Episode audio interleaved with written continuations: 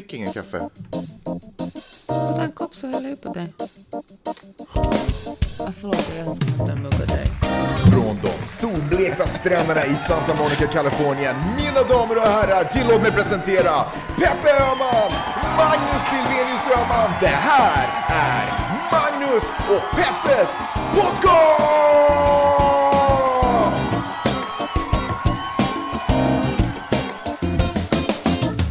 Hallå internet och hjärtligt välkomna till podcasten som heter Magnus och Peppes podcast. Just nu så befinner sig Peppe ute i köket där hon ska vara.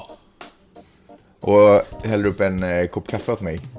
Eh, internet, jag fick, du dissade mig på Twitter såg jag. Över att jag inte uppmärksammade den internationella kvinnodagen. Det var lite eh, fegt. En feminist som du kunde väl ha engagerat dig lite? Vad ska, vad ska jag göra på internationella kvinnodagen? Jag, vad, vad, jag tvättar här, jag städar här, jag tar hand om vår son. Vad vill du att jag ska göra på internationella kvinnodagen för dig? Uppdatera Facebook.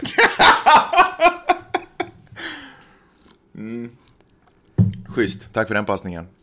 Hör du, eh, hur är läget? Tack, det är bra. Min det är bra. älskade hustru. Det är bra, det är bra. Mm, skönt. Har du någonting att prata om idag?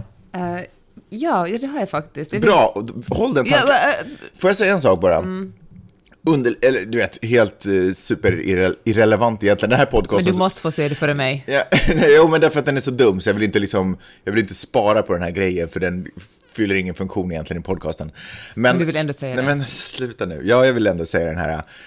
Eh, jag, jag tittade på, um, igår kväll innan jag skulle somna så tittade jag på Robin Hood. Robin Hood! Det är Robin Hood jag vill ha! Inte den tecknade versionen utan den starring Kevin Costner. Och eh, det är ju inte en, han fick ju ingen Oscarsnominering för den, eh, den rollen. Och eh, jag kan känna att Kevin Costner, att det är lite som ett skämt eh, någonstans att han gör Robin Hood-rollen. Men sen som noterade jag också, och det hade helt... Varför det är ett skämt? Ja, men är det inte, alltså om sådär, men hur känner du inte, hur känner, eller, eller är det bara det att det faktum är att de har filmatiserat Robin Hood som är skämtet? Alltså jag tycker det var en eh, mysig film. Jag kommer ihåg jag gick med någon pojkvän på den och vi höll varandra i handen och “Everything I do, I do it for you”. Supergulligt. Ja, just det, Brian Adams var där och gjorde sin De grej slängde också. in honom. Men den är på något sätt så, 90, du vet alla hockeyfrilla i den här, uh, i den här filmen. Den är liksom så essensen av 90, och 90-talet var ju en sån här, eller speciellt början av 90-talet var ju en sån här tidsperiod då folk inte riktigt visste hur man skulle klä sig, hur man skulle bete sig. Det är hade- det hetaste just nu. Den hade- hetaste trenderna är ju 90-talstrenderna just Ja, fast nu. 90-talet är större än 90-talet så att säga. Det finns liksom 90-talet gick igenom olika skeden. Det är det som är man kan, du, kan, du kan klä dig hur som helst och säga ja men det här är 90-talets mode därför att allting representerades under 90-talet. Du hade 80-talet, Nej. du hade 80-talet Michael Jackson-jackor fortfarande och pannband eh, i början av 90-talet och samtidigt så hade du liksom en lite mer 2000-tals svung på mot slutet av eh, 90-talet. Så allting rymdes ju där inom. Just den här filmen är Jag ju... håller inte med om jag kan diskutera mode med dig. Okej, här nu i, i, i svallvågorna av internationella kvinnodagen.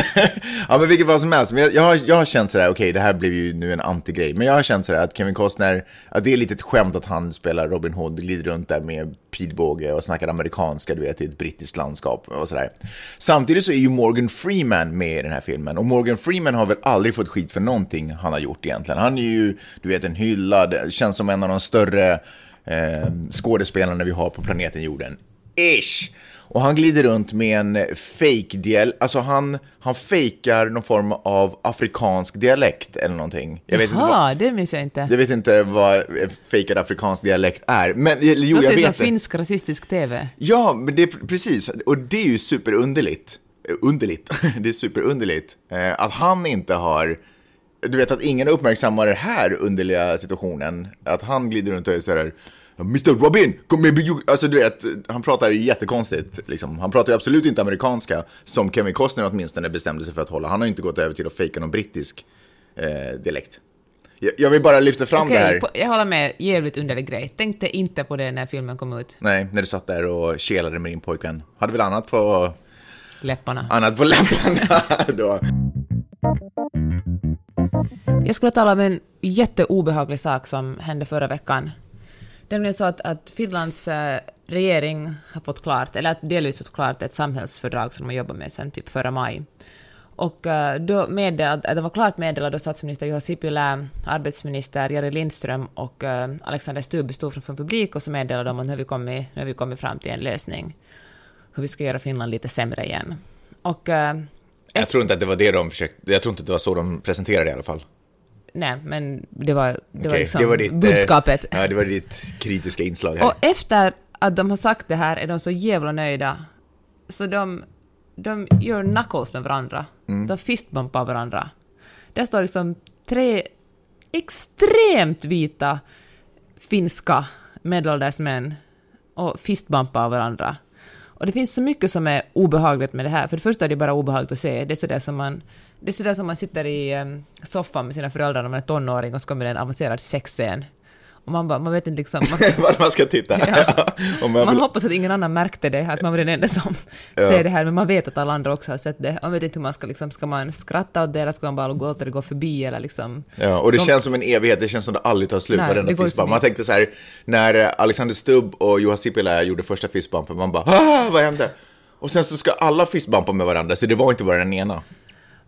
Och det, ja, det är så obehagligt. Det finns så många... No, så, det som sen hände var det att språk, vår, språkrådet på tidningen Jobba på Hufvudstadsbladet kom det ut med, med förslag att man inte ska skriva fistbump för det är en, en anglicism. Eller fisting som vissa finska tidningar har.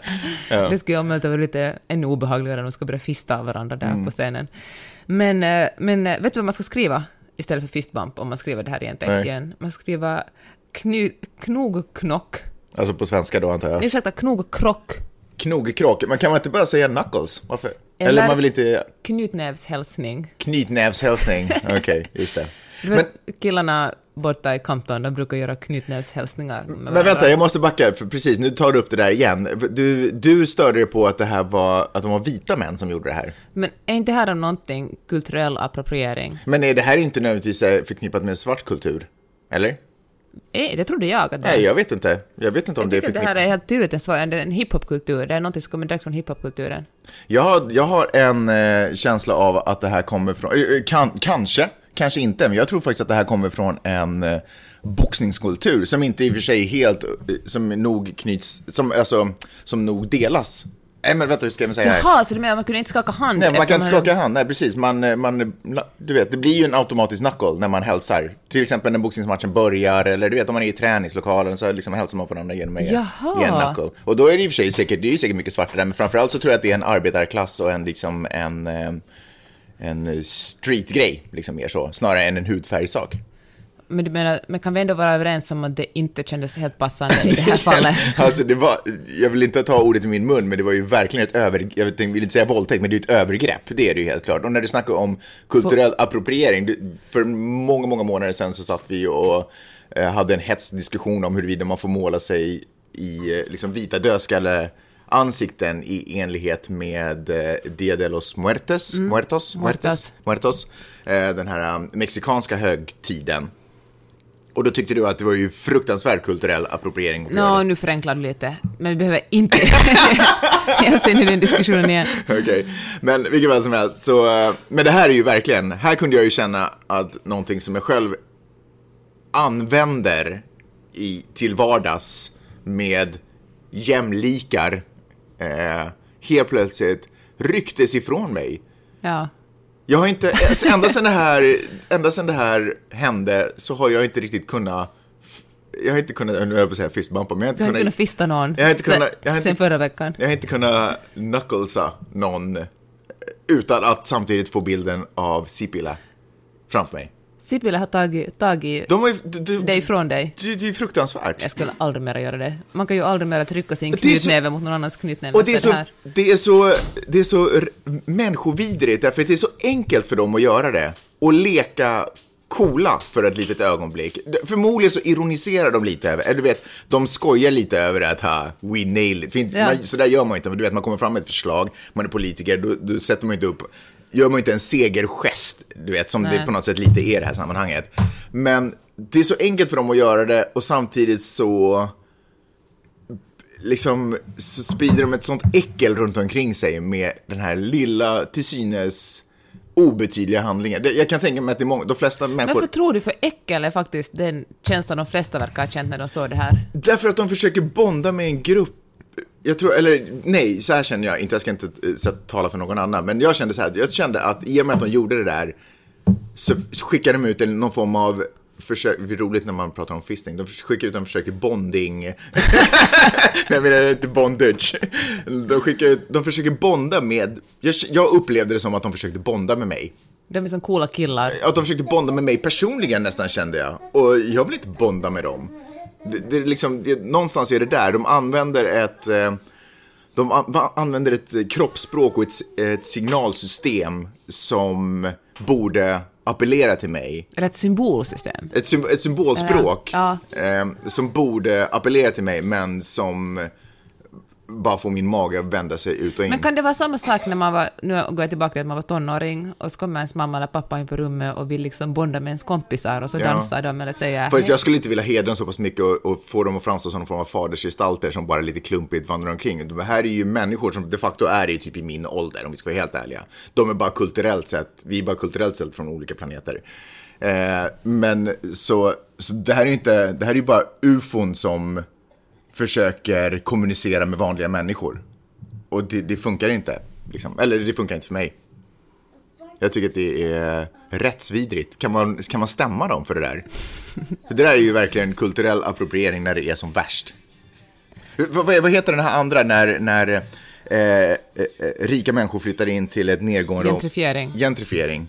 Det är ju nästan lite det också. Alltså, de, jag antar att de två är samma saker, fast det ena handlar om kultur och det andra handlar om bostadspolitik, kan jag tänka mig. Eller? Ja. Ja. Fast jag tror att gentrifiering också handlar om kultur, för man, det är ju en kultur som försvinner och en ny kultur som tar över. Ja, men det är också intressant hur sådana här situationer helt plötsligt öppnar upp hur jag ser vad andra känner. Du vet, när, när jag målar, jag har inte gjort det, men när, om jag skulle ha målat en vit dödskalle och glider runt och i fjäderskrud och vad fan som helst och bara så här, "Äh, vad gnäller du för? Jag tycker om de här färgerna. Nu ser jag hur vidrigt det är i en annan människas ögon, därför att jag har, jag har ingen respekt för symbolerna, jag har inte förtjänat det här symbolspråket, eh, eller det här liksom, ja, det här symbolspråket.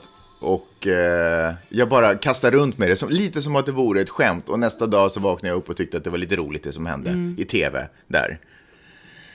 Nej, fan. Jag har en annan grej som jag tänkte prata om. Okej. Jag såg en, en litet vid, videoklipp på Facebook. jag tillbringar Nu för tiden refererar alla bara till Facebook, jag tänkt på det? Ja, men du vet, det är ju en plats där det sprids jättemycket saker. Jag säger inte att jag får i mig den bästa informationen därifrån, men där får, det är ju lite som, förr i tiden så var det ju Expressen och Aftonbladet hela tiden pratade om, för därför det är där man hittar lite som avarter till underligt beteende, eller även man hittar avarter till vettigt beteende snarare, förstår du vad jag menar? Eller? Fattar du inte vad jag snackar om? Nu vill jag säga, jag har aldrig läst Aftonbladet Expressen, men då låter jag som en så vidrig elitist att jag inte vill att någon Ja, men du har säkert det. sett en Aftonbladet-rubrik eller någonting. Ja. Ja, det får gärna vara så här, du vet. Och, och det är ju den där känslan som jag också känner ganska ofta på Facebook. Och nu hände det igen för ett par veckor sedan där jag såg en grej. Eller egentligen inte ett par veckor sedan, utan förra veckan. Ehm, så i, det här, i den här situationen så handlar det om eh, det amerikanska presidentvalet. Men jag kan säga att det här är ju någonting som skulle kunna handla egentligen om vad som helst. Eh, och i det här fallet så är det egentligen, utförs egentligen det här av människor som i princip är på politiskt sett kan man tänka sig min sida egentligen. Så jag kommer egentligen kritisera det, det likatyckande har gjort. Och det var ett gäng killar som på något sätt, eh, jag, jag tänker mig att det här kanske är en del av någon form av internetshow de har. Eh, där de går runt på stan och prankar och gör lite grejer. Liksom. Nu hade de tagit en, jag har inte sett de här snubbarna förut och jag, och jag vet tyvärr inte heller vad de heter och det var på Facebook så jag kunde inte dela det på vår flipboard. Som för övrigt är en jättebra ställe att hitta, ett jättebra ställe att hitta artiklar och saker som vi har snubblat, på under veckan, snubblat över under veckan. Vilket fall som helst, så det här filmklippet handlar om några snubbar, eller kanske en snubbe egentligen som går glider Kom till saken nu. Ja, men jag försöker bygga upp det här som glider runt och eh, prankar. Det, pranket är alltså att de har tagit ord av eh, Hitler. Eh, Ja, jag sa också det. kopierat dem och lagt in dem i en pamflett, heter det så? Ja, eh, med liksom eh, ett litet sådär, ett litet papper som de har vikt. Ett litet häfte. Eh, och låtsas att det här är Trumps ord. Och så går de runt till eh, Trump, bland Trump-anhängare. Och så är de så här, kolla jag hittar den här uh, saker som Trump har sagt. Och så läser de upp saker som uh, då, som de påstår att Trump har sagt för att lura de här människorna. Mm. Och så är de så här, håller du med om det här? Och det kan, du vet, det kan ju vara allt möjligt. Och, och så naturligtvis, så de här är ju väldigt lojala Trump-supporters, så de är så här, ja, alltså, om Trump har sagt det, det här låter vettigt, jag håller med om det, absolut så här. Och sen så här, haha, det var Hitler som egentligen har sagt det här, jag har bytt ut alltihopa. Du vet, och så blir han sådär, åh nej, vitsis och nollot, det här verkar ju helt crazy. Eh, men om Trump hade sagt det här så hade jag hållit med om det, men om Hitler säger det så är det mm. klart att jag inte håller med om det. Och den här formen av, eh, det här är ju inte journalistik förstås. Eh, nej, men den här formen det är ju knappt underhållning. Ja, precis, men den här formen av liksom, vad ska man säga, liksom att att visa att andra människor är dumma eller någonting. Det är liksom, jag tycker att det... Jag förstår att de kanske vill göra en god sak. De försöker visa på hur crazy, eller hur sjuka saker, dels A, kanske Trump sen, har sagt. Nu, men, okej, nu kan man låta som en nazist. Men alltså, det kan ju vara att Hitler sa någonting vettigt, att han sa en mening som var vettig. Det här är exakt det, att liksom, det inte, man tar ju bort lite, liksom, lite fokus från själva grejen. För det är precis det, Hitler uppskattade ju också konst. Det är ju en fin egenskap någonstans. Det, det, det, översk det kan ju inte liksom... Så du är också nazist? ja, men precis. Men jag menar, det är klart, det är inte liksom det som är pointen. Pointen är väl liksom den stora helheten mm. någonstans. Och framförallt så tycker jag att det är, ganska, det är ju inte ett schysst sätt. Vem som helst kan att bli lurad. Att förnedra människor, att ja. säga haha, vi förnedrar dig för att jag tycker att din åsikt är fel. Precis, och det hjälper det gör ju egentligen bara folk, tänker jag mig, mer liksom lojala gentemot sin sak. Och man känner sig attackerad, man känner sig utpekad. Och det gör ju folk att man kanske drar ihop sig ännu mer och på något sätt eh, nästan tvingas göra dumma saker, får se, pressas till att göra mm. dumma saker. Och jag tyckte det bara var så himla synd. Ehm, och jag ser ofta, kanske till och med själv lite ägnar mig åt sånt beteende. Ehm, inte riktigt på det där sättet, men, men jag tycker att det är, det är inte ett bra sätt att föra en dialog, en politisk dialog. Mm. Ehm, och en dialog om hur världen ser ut, eller en dialog om saker man vill förändra. Jag tycker Nej. att eh, Jamie Oliver gjorde det på ett vettigt sätt utan att förnedras honom. Man pratar om sakfrågor som Trump. Alltså Last Week Tonight. Ja. Jag talar inte om den där kocken med fuktiga läppar. Eh, det är han som heter Jamie Oliver, va? Ja. Oh, fan också. Vad heter den där? John Oliver? John Oliver. Ja. Nej men du vet, man måste prata om sakfrågor. Man kan inte hålla på, man kan inte lura folk och man kan inte hålla på och dissa människor rakt av egentligen. Det var det jag ville säga. Det blir så här att, att This American Life hade gjort en grej om hur... Um, om, um, ett, om en våldtäkt.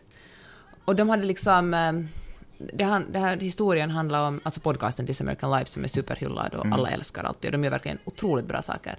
Och det handlar om en 18-årig kvinna hade blivit...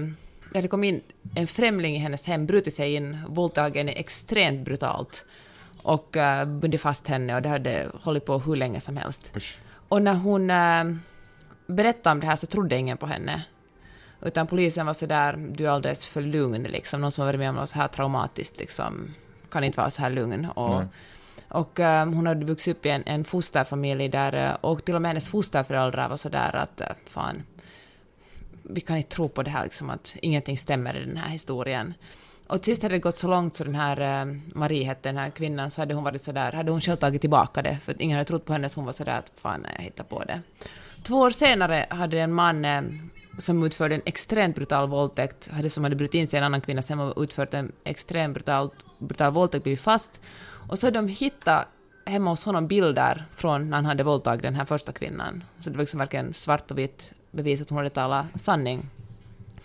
Och det gjorde, det gjorde liksom uh, This American Life, deras hypotes, det gjorde de, de, en, en, en, eh, deras spaning var det här att uh, hur människor tvivlar, hur svårt det är liksom, att hur, man, hur ens psyke fungerar, hur det är lättare att, att, att, eh, att tvivla på en sak än att tro på den.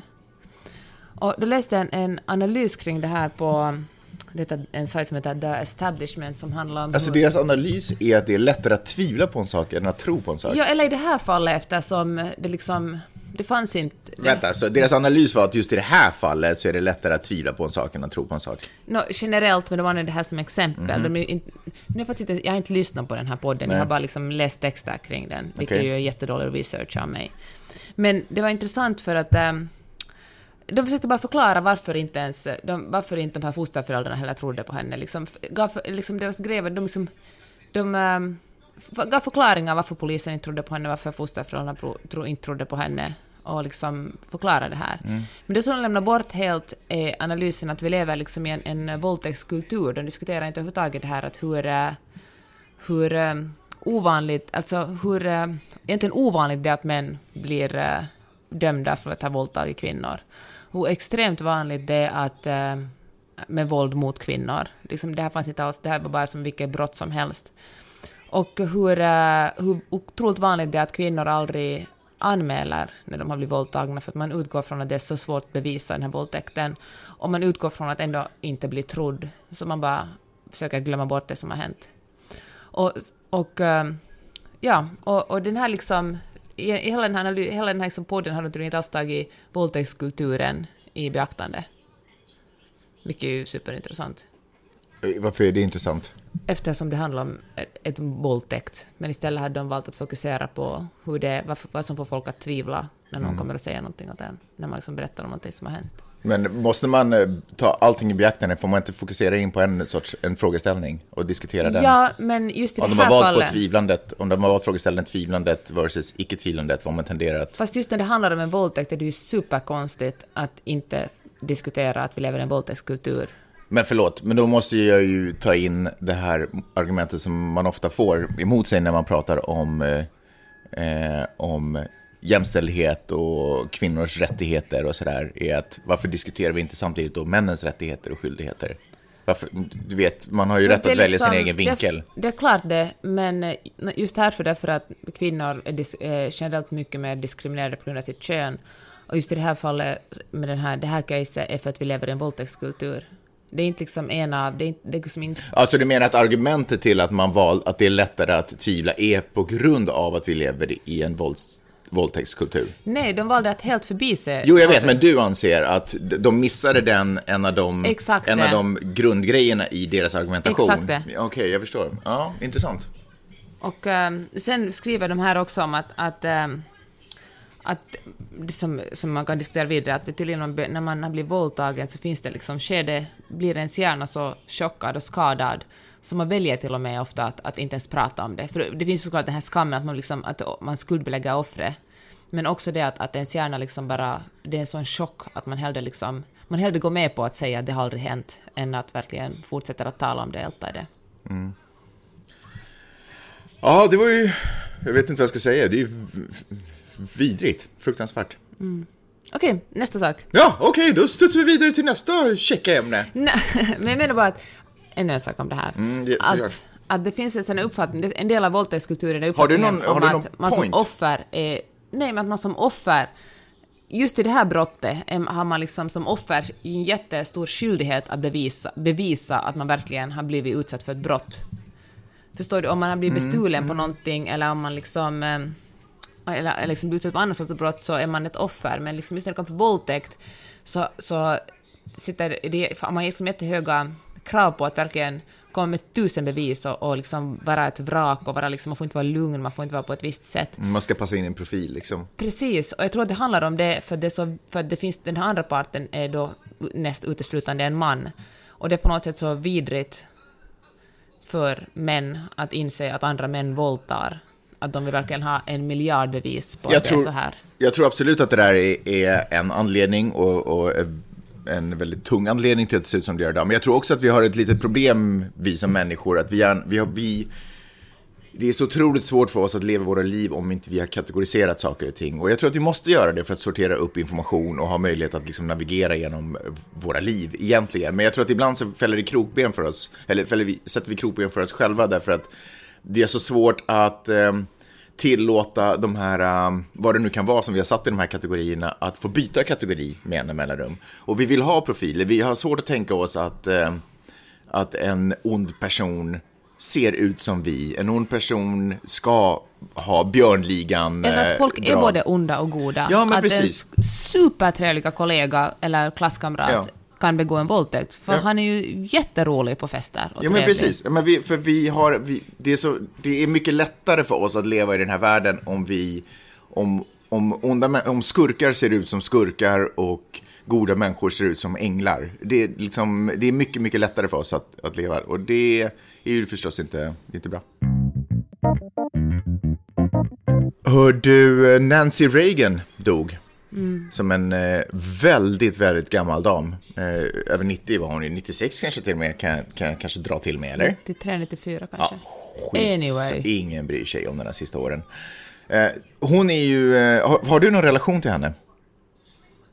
Nej, men jag tänker på att uh, Ronald Reagan har jag liksom för mig att inte kanske var en superbra president. Mm, han är ju dunderhyllad. Nu när man följer med det amerikanska presidentvalet här i USA så, eller liksom, ja, så Ronald Reagan nämns ju nästan alltid. Han är ju Republikanernas JFK. Men var inte en ganska dålig president alltså? Ja, jag var ju så pass liten själv så jag vet ju inte eh, egentligen alls hur han jag var. Jag var ju intresserad av politik redan i slutet på 70 början på 80-talet så... ja, precis. Så, så därför ställde du frågan lite sådär, uh, var inte han ganska dålig? Det var en, vad heter det, Retro, vad heter det? En... Retorisk. Retorisk fråga. Ja, men skitsamma. Men vilket fall som helst. Nej, men Ronald Reagan och Nancy Reagan är ju liksom hyllade som eh, kungar här. De, jag tycker att Eh, det kommer upp konstant när republikanerna framförallt argumenterar så kommer det upp så här, ja men sådär, men in the good han... words, or, good wor words of uh, Ronald Reagan. Men tog inte han av fattiga medelklassen och gav ja, till de rika? Han var ju republikan, det var ju hans grej. Eh, I och för sig. Eh, men vilket fall som helst, hon eh, dog ju nu och mm. det har ju bara strömmat in hyllningar naturligtvis. Mm. Och du vet, tweets och blommor har placerats ut. Folk har det på Facebook. På Facebook och det har instagrammats. Oj, och oj, oj. du vet, och hon var en sån, och jag menar hon var ju en, en säkert en stark kvinna, varför det nu Ja, men vad fan. Liksom, det var säkert en, en bra kvinna på sitt sätt. Men hör du, kan vi sluta tala om ja, starka vet, kvinnor? Stark vet, ja. är liksom inte samma sak som bra, eller liksom mer, man har liksom inte större värde som kvinna eller människa bara för Nej, jag vet. Jag vet. Hon, eh, lite bakgrund bara, hon var ju faktiskt också skådespelerska, det visste inte jag. Nej, men det läste jag också ja. någonstans. Och eh, hon hade ju träffat honom där i skådespelarsammanhang. Han mm. var ju ordförande för liksom, det som kanske motsvarar skådespelarnas fackförbund. Något sånt.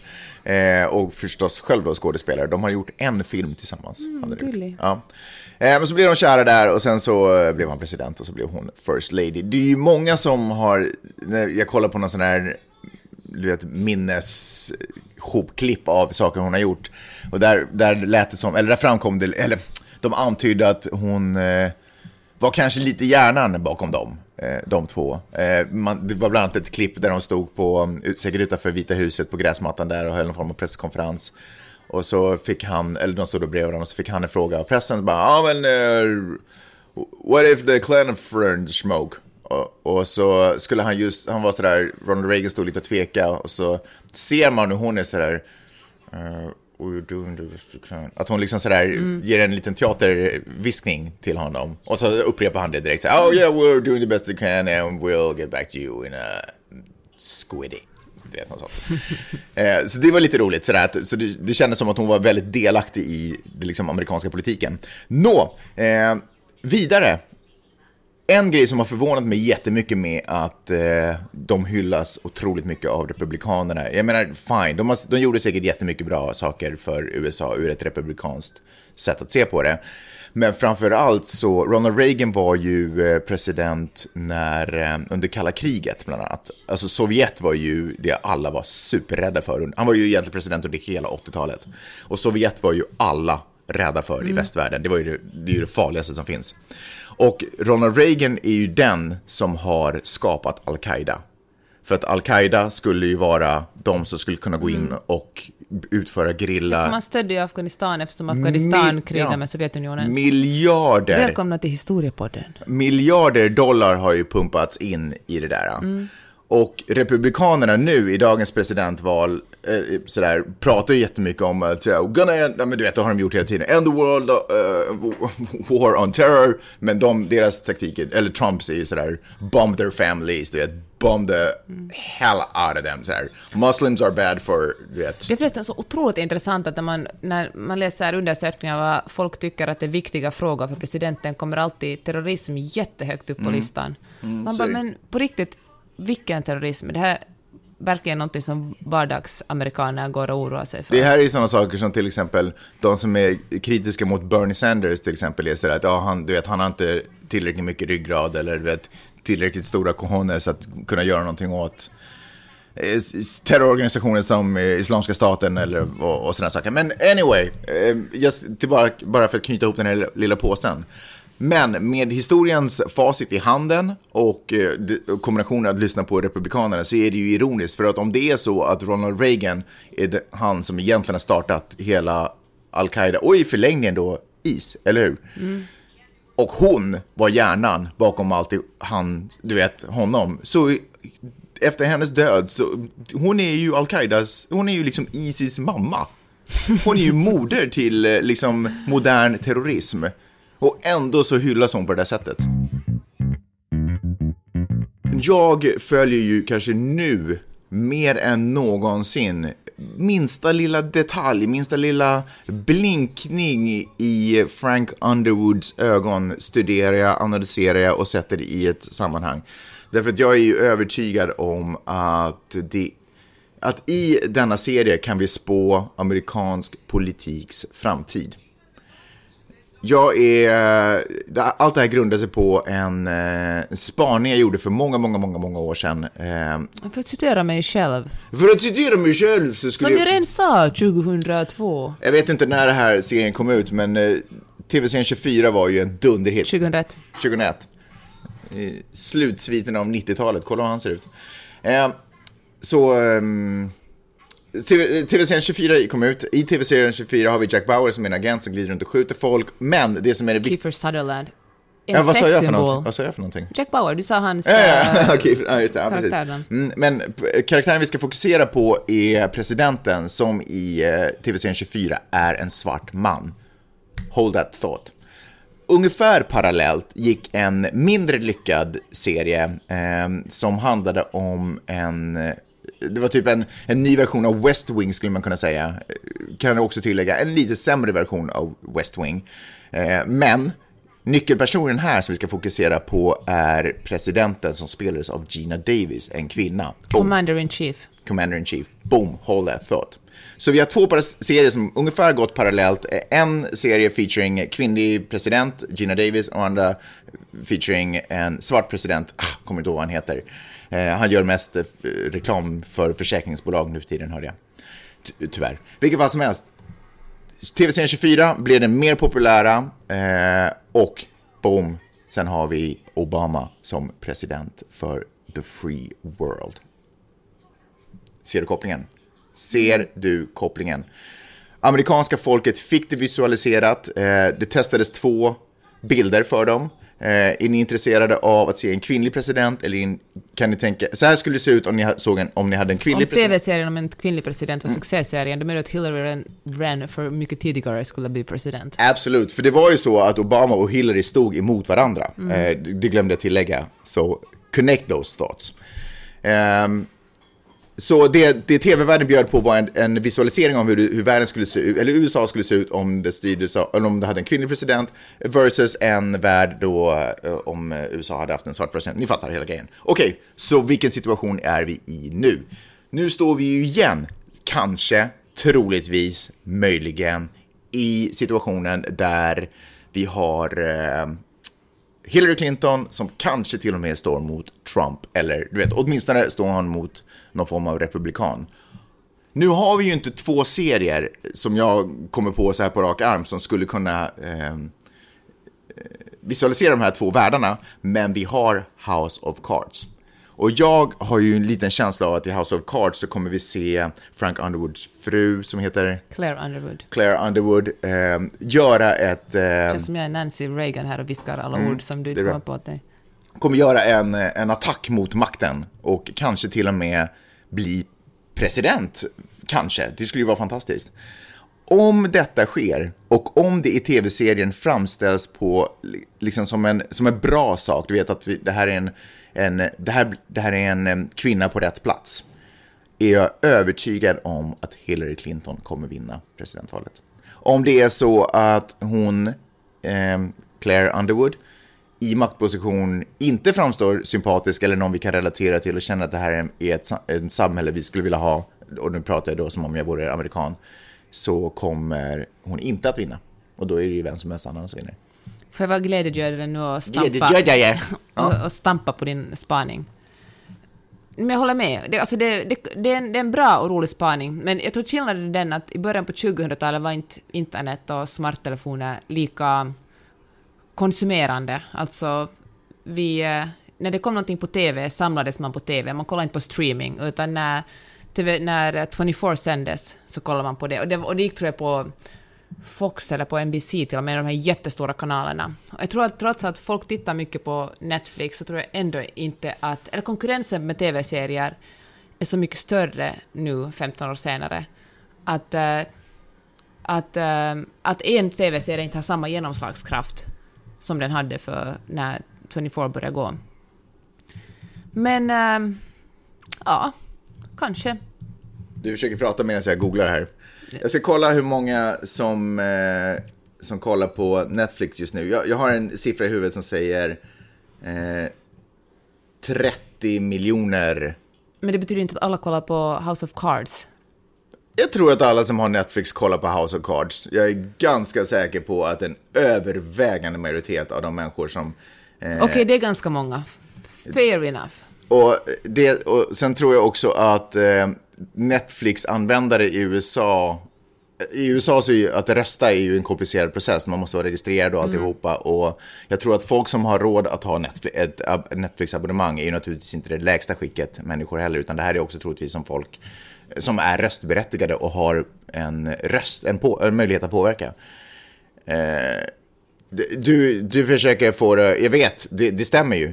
Alltså, det är klart att 24 hade mycket, mycket större, högre tittarsiffror, utgår jag ifrån.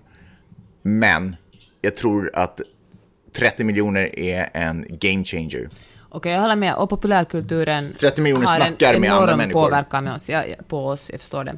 Hörde, jag läste någonstans, du är inte den första som gjort den här, eh, kanske den första som gjort den här spaningen om, om Claire eh, Men jag är, inte den, Underwood. jag är inte den sista som har gjort spaningen, om vi säger så. Men, eh, nej, men det var någon som skrev, det var någon som Vox kanske, eller Medium, någonting som jämförde dem, nej, Salud faktiskt, som jämförde dem med Bill, Bill och Hillary Clinton Mm. om maktspelet, det är två stycken personer som verkligen vill Ah, tänker komma så. till makten, bli presidenter, och där mannen har varit president, kvinnan aspirerar. Mm. Och uh, hur, jämfört med att det gått till, här, finns det några likheter med hur det ser ut bakom kulisserna för... eh, Har hon varit hjärnan hela tiden bakom och han har varit the male puppet. Ja, nej, men, kanske delvis, eller kanske de till och med varit helt jämlika, men hur han har liksom uh, mockat och liksom gjort jävla mycket dumheter och hon bara liksom fuck this shit. Men jag håller, vi skiter i Monica Lewinsky-fadäsen och annat dumt du har sysslat med. För att eh, det viktiga är att vi håller ihop tillsammans, är vi starka och då kanske jag en dag kan bli the first, inte bara the first lady, utan eh, master in chief, commander in chief för det här landet. Tror du, tror du att Hillary och Bill har suttit på fönsterräcket och med New York-landskap och delat en cigarett? Och pratat om eh, hur starka de är tillsammans. DC-landskap. Ja, Washington DC-landskap naturligtvis. Och, och, Båda gör mig till en sån äcklig besserwisser. ja, det är så jävla vet. Det är hemskt att leva med dig. Eh, ja, alltså det tror jag. Mm. Kanske i början, men sen tror jag att den, sprickorna blev för djupa, så nu tror jag att de bara, det är liksom lite av ett skenäktenskap. Jag tror att själv... Fan vad gammal han ser ut förresten. Eller det betyder säkert att vi också är gamla. Vem? Bill Clinton, han är ju ploppat upp här och där och stött henne i Du, han är så gammal så han ploppar inte upp så hemskt mycket mer kan vi säga. Det, går, det är inte så här, pop, här är jag. Det är ingen gubben i lådan längre. Snart är det i och för sig en gubbe i lådan, kan, kan man tänka. Vi skola alla den vägen vandra, är det jag försöker säga. Men jag tror att min point i den här spaningen som jag ändå kräver någon form av respekt för och någon form av erkännande för eh, är att eh, te- me- TV, eller det visuella mediets makt att forma opinion, äh, bilda opinion och att forma människors liksom, tankar och sådär. Eh, Eller populärkultur på överhuvudtaget, så folk lyssnar ju på deras... ja, eh, fast nu avbröt du det jag, nu avbröt du det jag just försökte få respekt och erkännande för, nämligen just exakt det visuella mediets makt att påverka och, och forma opinion. Nu, måste, nu tvingar du mig säga allt det här igen. Samma harang som jag har skrivit ner här på pappret. det är Ehm, därför du använder ordet opinion. Jag måste skriva ner det så jag kommer ihåg det där otroligt fina ordet. Nej, men för att jag, jag tror att vi är så, eh, vi är så jäkla dumma och eh, obelästa. Vi har ingen vana på att ta till oss teori och forma, forma tankar kring hur det här kan se ut i verkligheten. Att vi, vi, har, vi har gjort oss, ända sedan TVns intrång i allas hem, har vi gjort oss beroende av... In i trång, knack, knack, knack. Nej, de knackar inte på, de har stormat in. Ja, men är det inte så? Vi har ju... Ja, jag, jag, jag försöker föra Förlåt, med, med ett förlåt, korrekt förlåt. och fint Ja, ja, språk och du gör det bara förlåt, lustigt. Förlåt, älskling. Står du där med ditt flottiga hår och dina rosa hörlurar och gör dig lustig på min bekostnad. Okej, förlåt, det var taskigt. Jag går till person. Får jag köra Attackera dig? mitt utseende. Snyggt, älskling. Okej, men Ja, lyssna. det är ju inte längre internationella kvinnodagen, så nu kan du ju fortsätta. Ja? Eh, så vi måste få det visualiserat för oss. Vi är ju otroliga, jag tror att vi är otroliga suckers och vi är lätta offer för folk som kan presentera världsbilder för oss. Ett, och jag tror att därför, därför det är en, jag tror att det är en anledning till Trumps framgång. Eh, in, naturligtvis, han har ju inte visat hur det här kommer se ut, men han är ju väldigt, han kommer från tv, du vet, han är ju väldigt eh, visuell och animerad i sitt sätt att eh, prata och uttrycka sig. Jag tror att det slår en, an en klang hos, eh, jag tror an en, en sträng hos människor. Ah, det var inte riktigt samma sak, men jag tror ändå på det här att tv talar om för oss vart vi är på väg. Och ibland inte, jag tror inte att det är så här, sitter manusförfattare och försöker forma världen för oss. Men jag tror att vi bara är så lättpåverkade att de ibland formar världen för oss. Eh, att sak, man, ibland kan man vara sådär, man såg en tv-serie så what, det där hände ju. Ja, men kanske det hände för att det visades. Och vi började eh, söka oss mot det, håll, åt det hållet för att, för att vi hade fått den tanken implanterad. Fair enough, jag håller med dig. Härligt. Hörru, jag har ännu en sak. Eller har du, har du fler spaningar? Jag har en liten, eh, liten rolig grej sen bara. Okej, jag har en avslutningsgrej, så vill du ta din lilla roliga grej? Den roliga grejen är, du vet vår favoritserie The Walking Dead. Mm. Eh, Det okej. var bara det du ville säga. nej, nej, jag ska säga så här. Den roliga grejen i, som jag tänkte... Du vet vår favoritserie The Walking Dead? Mm. Jag, jag säger så här istället. Eh, Nej men Magnus, säg det. en helt annan grej. Du vet vår favoritserie The Walking Dead. Eh, det har blivit en, eh, tydligen, jag snubblade över en liten artikel som sa att det har blivit en sån här grej för, eh, heter det, att man gör en cameo när man sådär bara poppar upp från ingenstans. Eh, Hitchcock gjorde jättemycket cameo, så det är ju... I sina egna filmer. Ja, precis, det är en sån här classic. Och Tarantino brukar göra det. Ehm, de här uh, zombieansiktena är ibland riktiga, alltså sådär kända människors ansikte. Jag såg att Johnny Depp till exempel var ett huvud, ett huvud bredvid en bil, du vet. Det är ju ingenting man hinner se för man är ju rädd när man sitter Ja. och tittar. Men vilken eh, sjukt För man är rolig... ju rädd. Men, men, men vilken sjukt rolig eh, grej att slänga in Ja. i serien, Sånt älskar man ju verkligen. Ja. Och vilket roligt sätt, jag menar, jag vet inte hur mycket det här har dealats och kommit överens om att, jag vet inte om man har patent på sitt eget ansikte så att säga. Men eh, vilken rolig grej för de som skriver manus, eller du vet snarare de som bygger, jobbar med scenografi och maskering och sådär. Att du vet, någon som... Få de, halshugga Johnny Depp. ja men du vet, någon de inte tycker om, bara, pff, slänger vi upp det i ansiktet där, nu kör vi den typen där. Alltså, det var bara en fantastiskt rolig grej. Hörru, eh, i helgen åkte vi ju upp till en liten stad som heter Ojai, ungefär en timme norr om... Oh hi, skulle jag säga. Ojai. Eller oh hi. Ojai. Ojai. Tillsammans med våra kompisar Sissan och Per och deras barn. Och eh, det är ju så otroligt mysigt att roadtrippa i det här landet. Och på vägen upp eh, lyssnar vi, du och jag, Mm. på podcaster. Och på Ted och Kais podcast, som jag skulle lyfta fram i den här podcasten. Jag tänkte faktiskt också göra det, perfekt, bra. För de, de jäkla rolig podcast. Så roliga och eh, bra analyser och, och som, det är ju som få podcaster som man sitter och lyssnar på och sen frustskrattar man till då och då. Men för, nu har ju den här gått i ett halvår, så det, det är ju inte det färskaste Tipset. det färskaste tipset vi har kommit med. "This- Och, och, har ni hört talas om This American Life? ja, precis. och dessvärre så avslöjar den ju oss lite. Det betyder ju att vi inte har, om vi nu blir så här, wow, det är superbra, så tyder det ju på att vi inte har lyssnat på den förut, när den kom ut. Och det är ju hemskt att behöva erkänna. Men, vi glömmer det för ett ögonblick. Jag måste säga en sak, deras podcast har tagit min upplevelse av podcaster till en helt ny nivå. Därför det här var första gången som jag satt och lyssnade på en podcast där jag upplever att det är verkligen liksom bra vänner jag sitter och lyssnar på. Så det här var inte bara en, du vet, en, en rolig podcast, utan jag åkte ju eh, den här sträckan själv fram och tillbaka en gång för att jag skulle in på ett möte. Eh, till LA från Ohio. från Ohio. Och det, det var en, vad det, typ drygt, en, drygt en timmes körning, så han lyssnade på åtminstone ett gäng avsnitt. Och det var, för, jag, när jag gjorde morgonradio så kunde ju folk ibland säga sådär, ja du vet när man lyssnar på oss, i, vi gjorde det i fyra år, så det, det var säkert någon där som man lyssnade på det ganska många gånger. Och då kunde man ibland när man sätter på eh, sina fans, så, kunde man, ibland- så kunde de ibland säga så här att det känns som att man har vännerna med sig i bilen när man sitter och åker. Så här, ni sitter och berättar allting ni gör i radion och vi sitter och skrattar med och det känns som att vi känner varandra. Så, Vi, Kai är ju vår gode vän. jo, jag menar det. Och det här var första gången som jag, jag, nu fattade jag verkligen vad de människorna som har kommit fram till mig någon gång i tiden och sagt det. Nu fattar jag vad de menar, för det var, det var ett sätt, jag, jag glömde bort att jag lyssnade på podcasten. Jag satt och skrattade med som jag var i deras, i, där de, alltså det var, det var faktiskt, det var magiskt. Men extra magiskt därför att jag känner att jag står, åtminstone Kai ganska nära, liksom. Men att båda är ändå, upplever jag ändå som vänner. Det var coolt. Den ska ni lyssna på. Ja, verkligen.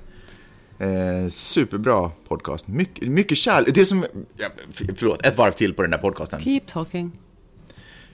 Jag, eh, jag trodde när de skulle börja med podcasten att det skulle bli en sån här eh, österbottnisk buskis eh, grej. Där, där eh, de leker karaktärer, där Kai är en städtant och, och Ted är en rörmokare och så händer det craziga saker i podcasten.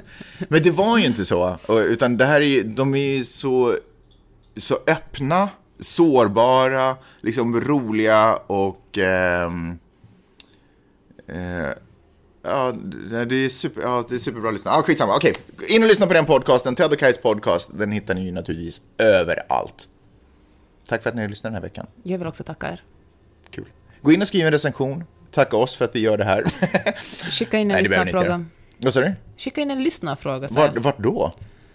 På Insta till exempel, på din eller min Insta. Skicka in en lyssnarfråga på Instagram. Eller Okej. på Twitter. Jeanette Ochman, Peppe Ohman. Peppe Ochman på Instagram och jag heter Maggi med IE, så här Maggi. Nej, på Instagram heter jag ju Peppe, Peppe, Peppe. Herregud, hur ska folk Men kunna skicka in en Man, man, man, behöver, man behöver inte söka på användarnamn, man kan ju söka på folks namn. Det räcker ju bra. Till, det här är till exempel en grej, kvalitetsskillnad på Ted och Kais podcast och vår podcast. De är så här, skicka in ett meddelande, de har t- nästan en liten signaturmelodi så här, T-E-D-O-C-H-K-A-J arena.fi, kanske något sånt. Vad har vi? Skicka, du, du heter, vad heter du? Kan, du kanske kan få, vi, Jaha. säg någonting nu. Tack för att ni har lyssnat. Sköt om er och var snälla mot varandra. Puss och kram! Hej då!